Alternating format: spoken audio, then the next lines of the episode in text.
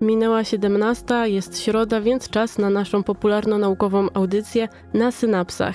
Dzisiaj mamy taki temat, można powiedzieć, grudniowy, bo grudzień to taki czas pomagania, grudzień to jest y, czas, kiedy dajemy siebie innym, więc my dzisiaj będziemy rozmawiać o transplantacji, o transplantologii, e, szczególnie o byciu dawcą szpiku. I jesteśmy z Wami w gronie Agnieszka Barbach, Paweł Chrastacz i realizuje Kamil Michniak. Zostańcie z nami na 91 i 6 FM, a my zaraz do Was wrócimy. To jest audycja na synapsach, a wczoraj rozpoczęła się akcja Helpers Gonna Help Zostań dawcą na Politechnice Wrocławskiej. No i od tego chcielibyśmy zacząć. Pawle, to jest Twój, można powiedzieć, taki debiut, jak chodzi o prowadzenie audycji, prawda? Tak, mówię po raz pierwszy jako prowadzący w radiu, ale dwukrotnie gościłem już właśnie w luzie i w obu przypadkach właśnie ta akcja była pretekstem tego, żeby pojawić się w radiu jako gość. Więc opowiedzmy naszym słuchaczom o całej akcji. Jak wiemy, pomimo pandemii i całej sytuacji, która nas otacza, choroby i inne nieprzyjemności tego świata nie oszczędzają nikogo. Ciągle potrzebujemy nowe osoby do bazy potencjalnych dawców szpików Fundacji DKMS. Studenci z całej Polski. Jest to 146 liderów z 77 uczelni i wszyscy, pomimo niesprzyjających warunków, próbujemy dotrzeć do osób, które mogą pojawić się w bazie. Zarekrutowaliśmy w przeciągu ostatnich dwóch tygodni dziesiątki, setki wolontariuszy, którzy dotrą w skali całego kraju do, według naszego planu, 10 tysięcy nowych potencjalnych dawców szpiku. W dotychczasowych edycjach wzięło udział ponad 130 tysięcy studentów, a ponad 850 z nich zostało już faktycznymi dawcami materiału. W takim razie, co w ogóle trzeba zrobić, żeby być dawcą? Trzeba spełniać wymagania, które narzuca nam fundacja, czyli wiek od 18 do 55 lat, dobry stan zdrowotny i przejście pomyślnie wywiadu medycznego. Można mieć maksymalne BMI na poziomie 40 i to jest zmiana od niedawna. Nie ma wymogu minimalnej wagi 50 kg i trzeba być stałym mieszkańcem naszego kraju przez minimum 18 miesięcy. Jeśli spełniamy te wymagania, możemy zostać potencjalnym dawcą szpiku. Ale najpierw trzeba wypełnić formularz. Prawda, przygotowaliśmy wraz z dwoma liderkami formularz, który można znaleźć na stronie wydarzenia i tam zostawiacie swoje wstępne dane kontaktowe. Po zostawieniu ich ktoś z nas, ktoś z naszej trójki na pewno się do was odezwie. W takim razie powiedzmy jakaś nazwa wydarzenia, żeby wszyscy mogli, powtórzmy tak naprawdę, żeby wszyscy mogli znaleźć. Helpers Gonna Help, zostań dawcą na Politechnice Wrocławskiej. I akcja trwa do 15 grudnia. Czy masz jeszcze jakieś wskazówki, jakieś ciekawostki związane z tematem na sam początek? Oczywiście. W skali świata co 27 sekund ktoś dowiaduje się, że choruje na nowotwór krwi, a w Polsce to 40 minut ktoś słyszy podobną diagnozę. Także widać na podstawie takich liczb, że problem jest naprawdę bardzo poważny i nie można go lekceważyć. Stąd takie akcje. Potrzebna jest krew. To jest bardzo szeroki temat i często o tym się mówi, że bazy krwi są na przykład puste. Też było tak po czasie zamknięcia, że zapasy krwi się wyczerpały. No ale nie tylko można być dawcą krwi, można być także dawcą szpiku. A my za chwilę opowiemy więcej o transplantologii, o transplantacji szpiku. Opowie nam o tym nasz gość, dr Marek Ussowicz z Uniwersytetu Medycznego we Wrocławiu. Zostańcie z nami i dowiedzcie się więcej. Włącz się na 91 i 6 FM. Słuchacie Akademickiego Radia Luz, to jest audycja na synapsach, a z nami jest dr Marek Usowicz z Katedry Kliniki Transplantacji Szpiku, Onkologii i Hematologii Dziecięcej Uniwersytetu Medycznego we Wrocławiu. Dzień dobry, dobry wieczór już może. Dzień dobry Państwu. Bardzo miło mi że mogę z Państwem się skontaktować. Bardzo dziękuję za zaproszenie do audycji. Zajmuje się Pan transplantologią, jest Pan transplantologiem, więc może przybliżmy najpierw w ogóle definicję transplantologii, czego ona dotyczy dla porządku. W obecnej sytuacji Państwa programie mówimy o przeszczepieniach szpiku. Jest to może skrót myślowy, ponieważ tak naprawdę przeszczepiamy hematopoetyczne komórki macierzyste, ale nazwa jest długa i o wiele wygodniej posługiwać się skrótem myślowym, który zresztą nie jest bardzo odległy od prawdy, przeszczepieniem szpiku. Przeszczepienia wykonujemy w Polsce w 18 ośrodkach hematologii i onkologii dziecięcej oraz dorosłych. Są to zabiegi, które polegają na leczeniu wielu różnych chorób Przeszczepienia są dwojga rodzaju. Mogą być to przeszczepienia autologiczne, które są stosowane w niektórych chorobach nowotworowych oraz przeszczepienia allogeniczne, allogeniczne oznaczające od obcej osoby, od innego człowieka.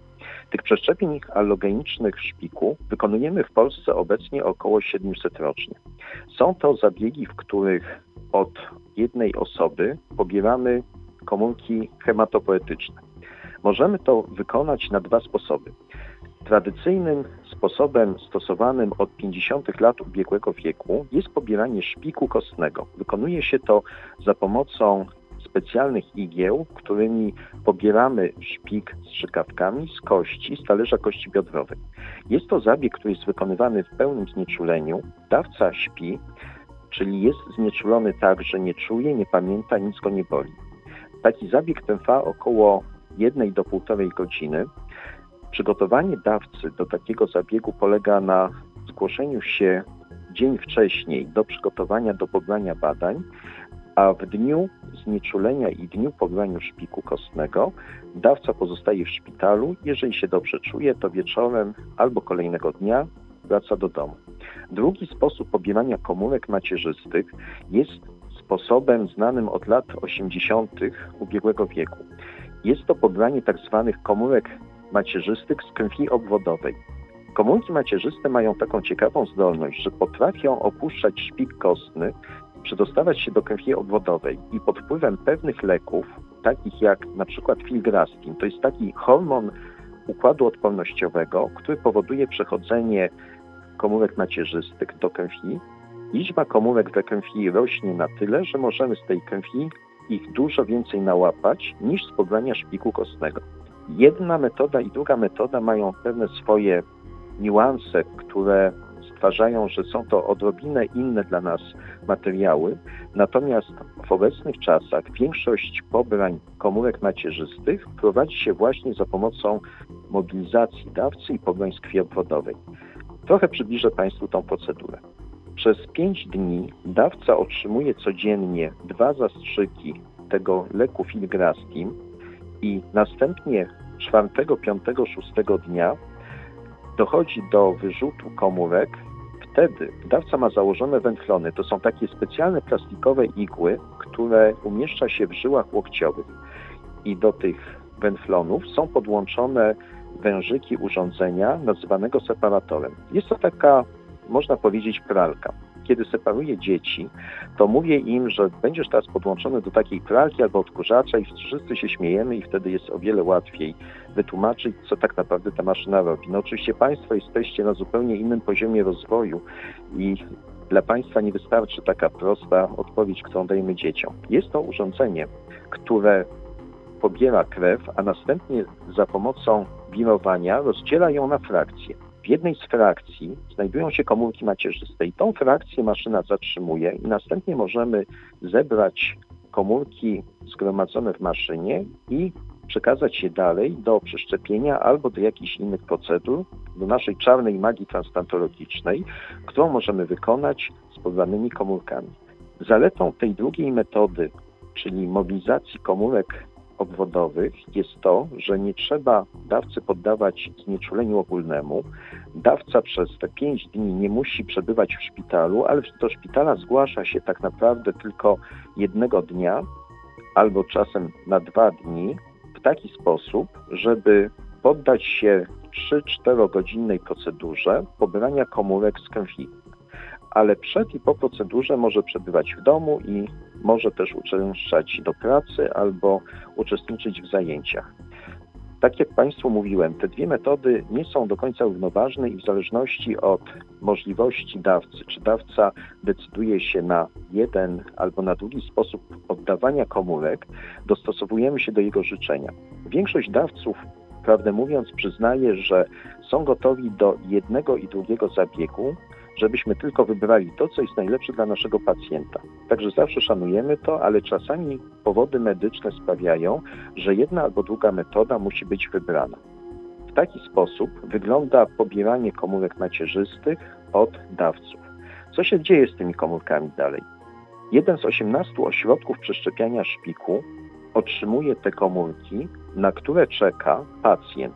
Pacjent jest osobą małą, dużą, która choruje na jakieś bardzo poważne choroby nowotworowe lub wyrodzone choroby niepozwalające szpikowi na prawidłową pracę.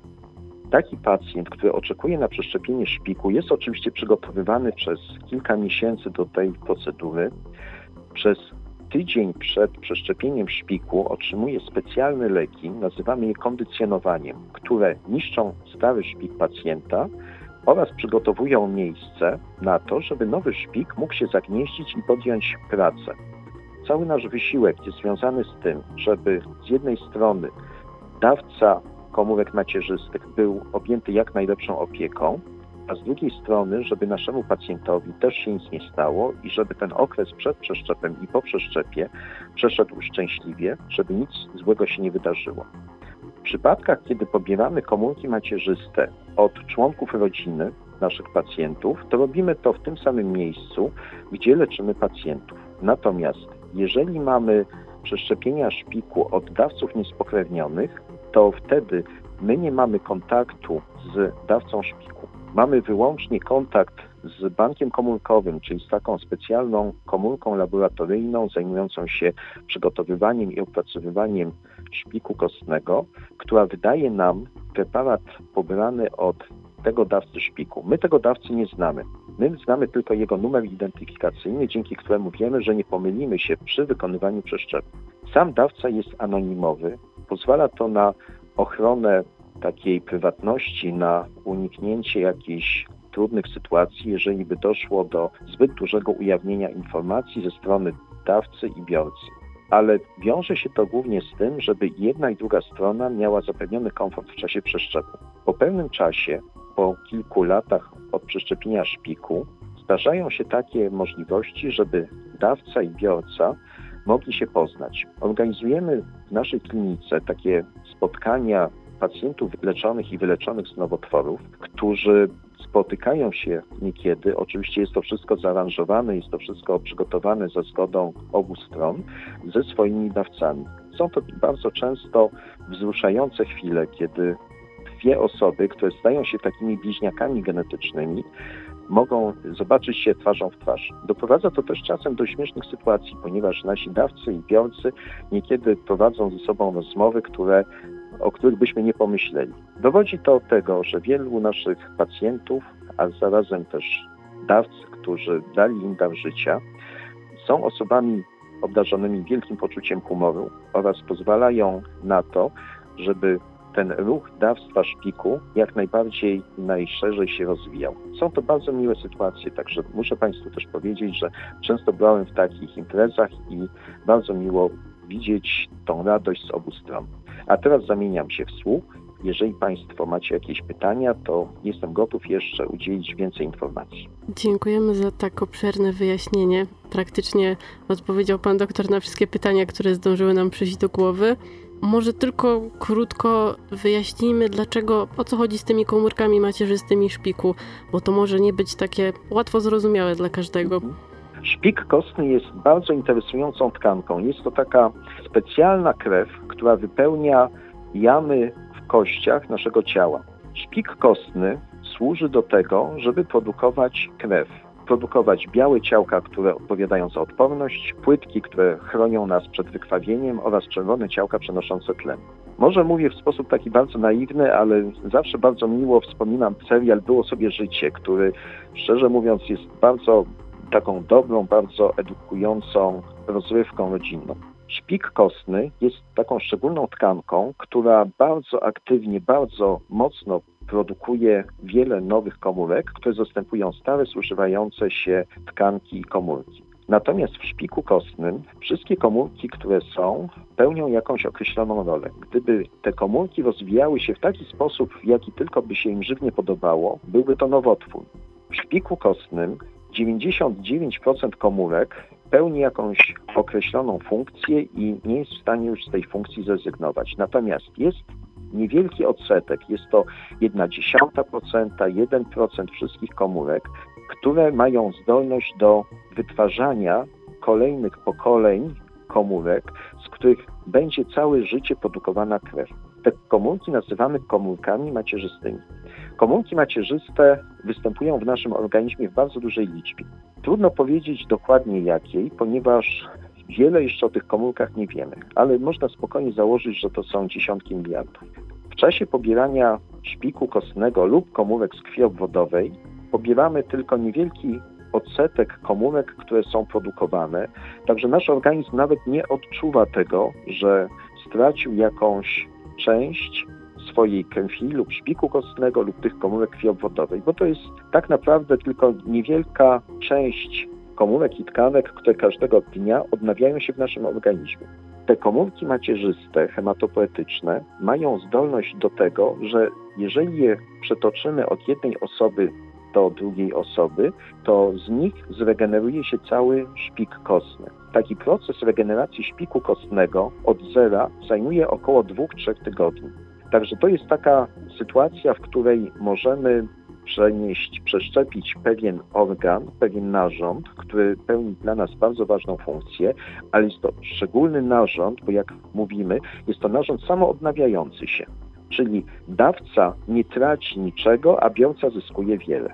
Bardzo dziękujemy. To było wyjątkowo wyczerpujące wyjaśnienie i myślę, że teraz każdy już nie ma żadnych wątpliwości i wszystko jest jasne.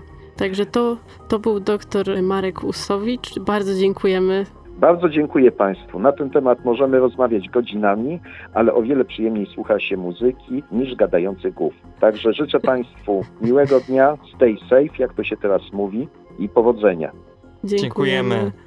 A wy zostańcie z nami. Akademickie Radio Luz. Włącz się studencko. Dzisiaj w naszej popularno-naukowej audycji na synapsach rozmawiamy o transplantologii, o byciu dawcą szpiku. Owszem, cieszę się niezmiernie, że mogę porozmawiać z kolejną osobą, która nie boi się pomagać. Będzie to Paulina. Jest ona studentką Uniwersytetu Medycznego i przeszła dokładnie taki sam proces, który niedawno był wyjaśniony przez doktora. Jest nam niezmiernie miło powitać Ciebie, Paulino. Dlaczego w ogóle pojawiłaś się w bazie potencjalnych dawców szpiku? Jak to wyglądało? Kiedy otrzymałaś informację, że faktycznie możesz uratować komuś życie? Ja zarejestrowałam się jako potencjalny dawca w 2016 roku, w wieku 19 lat i nie myślałam wtedy nad tym wiele. Wiedziałam, że rejestrując się w bazie mogę komuś pomóc, więc to po prostu zrobiłam bez jakiegoś większego zastanowienia. Pewnie tak jak każdy nie spodziewałam się, że pewnego dnia dostanę telefon od BKMS-u. Informację o potencjalnym zbiorcy dostałam właściwie jako prezent na Dzień Kobiet, bo było to 8 marca 2017 roku i to było tylko kilka miesięcy po zarejestrowaniu w bazie dawców, więc szybko miałam szczęście. I byłam wtedy na zajęciach na uczelni, kiedy zadzwonił do mnie jakiś nieznany numer. Chwilę później dostałam maila z prośbą o pilny kontakt od PKMS. No i ciężko opisać uczucie, które mi wtedy towarzyszyło, ale to była ekscytacja z niedowierzaniem zdecydowanie. Czekałam tylko, aż skończą się zajęcia i od razu po na korytarzu jeszcze odzwoniłam na ten numer i wtedy zostałam poinformowana przez telefon, że jest osoba, która będzie potrzebować ode mnie moich komórek macierzystych. I pani z fundacji, to była długa rozmowa, opowiedziała mi szczegółowo o całej procedurze, jak wygląda to pobranie i przeprowadziła ze mną też taki wstępny wywiad medyczny. Zapytano mnie też, czy zgadzam się na obydwie metody pobierania komórek macierzystych. Bo wiem, że wiele osób zastanawia się, czy właśnie, czy, czy konieczna jest zgoda na obydwie metody. Ja oczywiście się zgodziłam, ale nie jest to teoretycznie konieczne, ale zdecydowanie warto zgodzić się na obydwie metody, żeby lekarz mógł zadecydować o tą, która będzie lepsza dla pacjenta. Możesz teraz wspomnieć dzień, w którym pojawiłaś się na pobranie komórek. Ogólnie to do tego dnia było parę jeszcze etapów, w których musiałam przejść. Sprawdzano, czy moje stan zdrowia pozwala mi na zostanie dawcą. Tak jak wspominał pan doktor przed chwilą, na parę dni przed tym dniem pobrania, dniem zero, musiałam przyjmować postaci poskórnych iniekcji czynnik wzrostu kolonii granulocytów. W dzień pobrania przyjęłam ostatnią jego dawkę i pojawiłam się w klinice, w której miało być dostane pobranie. Tam najpierw pobrano mi krew, żeby sprawdzić, jaki jest poziom komórek macierzystych w mojej krwi i następnie rozpoczęła się cała procedura pobierania. Do obu przedramion założono mi welson z księcia łokciowego i podłączono mnie do maszyny filtrującej krew. tak zwanego separatora. Moja krew wpływała z jednego przede mnie do urządzenia, które pobierało komórki macierzyste, a reszta krwi wracała do mnie przez drugie przedramię. I w moim przypadku trwało to niecałe 6 godzin. I może się to wydawać dużo. No, w tym czasie mogłam leżeć na fotelu, ewentualnie słuchać muzyki, czy robić cokolwiek, co nie wymagało poruszania moimi ramionami. Ja jeszcze dodatkowo musiałam zaciskać w ręce gumową piłeczkę, bo maszyna co chwilę pisała i skarżyła się na moje ciśnienie krwi. Jeżeli chciałam, to mogłam oczywiście wyjść do toalety, czy coś zjeść w tym czasie. Mamy do ciebie jeszcze dużo pytań, ale to za chwilę. Akademickie Radio Luz. Włącz się naukowo.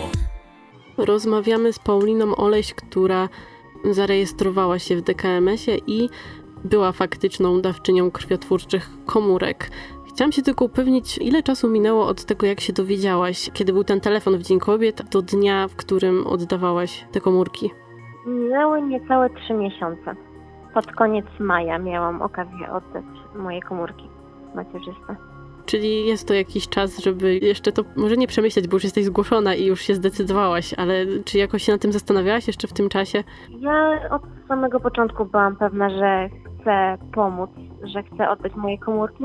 Natomiast jeżeli ktoś nie jest pewny, to jeszcze na początku jest czas, żeby się zastanowić. Natomiast im dalej cała procedura idzie, im bliżej jest tego dnia pobrania, tym już Nie ma czasu Nasza- na zastanawianie. tylko, że już w pewnym momencie, jeżeli zrezygnujemy, to może być to zagrożeniem dla zdrowia biorcy, ponieważ biorca jest też przygotowywany do przeszczepu, podaje się mu leki immunosupresyjne, więc gdybyśmy zrezygnowali w takim momencie, to tak naprawdę narażamy naszego biorcę na spore zagrożenie życia. No właśnie, a jak się czułaś po oddaniu komórek? Czułam się mm, niesamowicie. Ciężko to właściwie opisać, ponieważ no, miałam szansę uratować życie drugiej osobie i możliwe nawet, że byłam jedyną osobą na świecie, która mogła uratować życie tej osobie. Moją biorczynią jest kobieta w wieku około 40 lat z USA, także z drugiej strony świata praktycznie.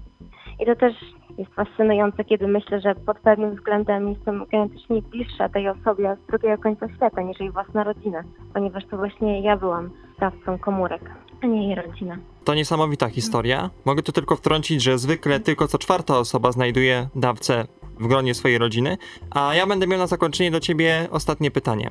Co możesz powiedzieć wszystkim osobom, które w tej chwili, słuchając tej audycji, śledząc nasze wydarzenia w mediach społecznościowych, co powiesz osobom, które zastanawiają się nad rejestracją? Możesz im dodać otuchy? Wesprzeć ich, żeby podjęli decyzję? Tak, chciałam gorąco wszystkich zachęcić przede wszystkim do zapisania się do rejestru dawców, ponieważ wymaga to poświęcenia tylko kilka chwil, a mamy możliwość uratowania komuś życia. I mogę powiedzieć, że naprawdę nie ma czym się martwić. W całej procedurze jesteśmy prowadzeni za rękę przez Fundację DKMS. Cały czas mamy wsparcie, możemy kontaktować się z fundacją i na pewno nie będziemy czuli się sami z tym wszystkim i zostanie nam, zostaną nam udzielone wszystkie informacje, których będziemy potrzebować. Czy bałaś się tak naprawdę, chociaż przez chwilę?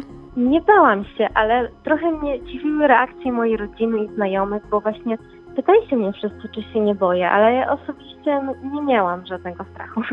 Może to kwestia tego, że niektórzy właśnie wiążą pobranie komórek z, z tą wielką igłą, za pomocą której pobiera się te komórki z talerza biodrowego i to jest chyba ta rzecz, która jest przerażająca dla części z nas. No i funkcjonujący gdzieniegdzie mit o pobieraniu komórek kręgosłupa, który jest totalną bzdurą. Bardzo Ci dziękujemy, Paulino, za to, że podzieliłaś się z nami swoim doświadczeniem, swoją historią tego, jak pomogłaś. I tak naprawdę okazuje się, że jest to bardzo, bardzo proste. Dziękuję bardzo za zaproszenie do audycji i za to, że miałam możliwość, żeby podzielić się moją historią. Także my też zachęcamy Was, zgłaszajcie się, śledźcie wydarzenie. Nie ma się czego bać, a jest duże zapotrzebowanie na bycie dawcą szpiku i możemy uratować komuś życie. Nie bójmy się powiedzieć, to nie jest pompatyczne stwierdzenie, tylko prawda. Skoro mówimy już o pomaganiu, to mamy dla Was jeszcze jedno zaproszenie. Ponieważ na Politechnice odbywa się nocne listowanie 2020 między 2 a 6 grudnia, a dzisiaj jest oficjalne rozpoczęcie wydarzenia o 19. Nasz redakcyjny kolega Kuba Jastrzębski będzie prowadził to spotkanie. Tak naprawdę powinnam wspomnieć o jeszcze jednym, bo nie powiedziałam, kto jest dzisiejszym gościem na nocnym listowaniu, na tym otwierającym wydarzeniu, na otwierającym spotkaniu. Jest to Filip Rodzik, czyli były stypendysta programu stypendialnego, też student Politechniki Wrocławskiej, przygotowujący się do Paraolimpiady w Tokio w strzelectwie. Także na pewno będzie to interesująca i inspirująca rozmowa. Zapraszamy Was. Wydarzenie nazywa się Nocne Listowanie 2020 i tam jest link do tego wydarzenia. Myślę, że czas podsumować audycję. Liczę na to, że jak najwięcej osób zostało zachęconych do zarejestrowania się w bazie Fundacji DKMS. Przypominam, że informacje na temat rejestrowania się wraz z liderami przy Politechnice Wrocławskiej znajdziecie na wydarzeniu, które nazywa się Helpers Gonna Help, zostań dawcą na Politechnice Wrocławskiej. Jednakże mam dla Was jeszcze jedną niespodziankę. Jeśli chcecie jeszcze dzisiejszego wieczora oraz kolejną środę wysłuchać kolejnych ciekawych historii, zapraszamy na webinary organizowane przez osoby, które udzielają się na innych wrocławskich uczelniach. Dzisiejszy webinar odbywa się pod nazwą Czy to boli? Spotkanie z Dominiką Ratajczak i jest to, można powiedzieć, dłuższa forma wypowiedzi na temat tego, jak to wygląda z perspektywy dawcy, od tej, którą słyszeliśmy przed chwilą w wykonaniu Pauliny. Te inne wrocławskie uczelnie, na których możemy też znaleźć liderów, wolontariuszy i uczestników akcji, to Uniwersytet Wrocławski, Uniwersytet Przyrodniczy, Uniwersytet Medyczny, Akademia Wychowania Fizycznego oraz Uniwersytet SWPS. Także nie martwcie się, jeśli nie studujecie na Politechnice. Liderzy są we Wrocławiu praktycznie wszędzie i myślę, że bez większego problemu znajdziecie kontakt do odpowiedniej osoby. Zapraszamy Was do pomocy w każdej z tych dziedzin, o których wspomnieliśmy dzisiaj. No i musimy już kończyć, ponieważ zbliża się godzina 18. Byliśmy z Wami e, ja, Agnieszka Barbach I Paweł Chrastacz. A realizował Kamil Michniak. Spotykamy się na synapsach w sobotę o 15, tym razem na dwugodzinnej audycji.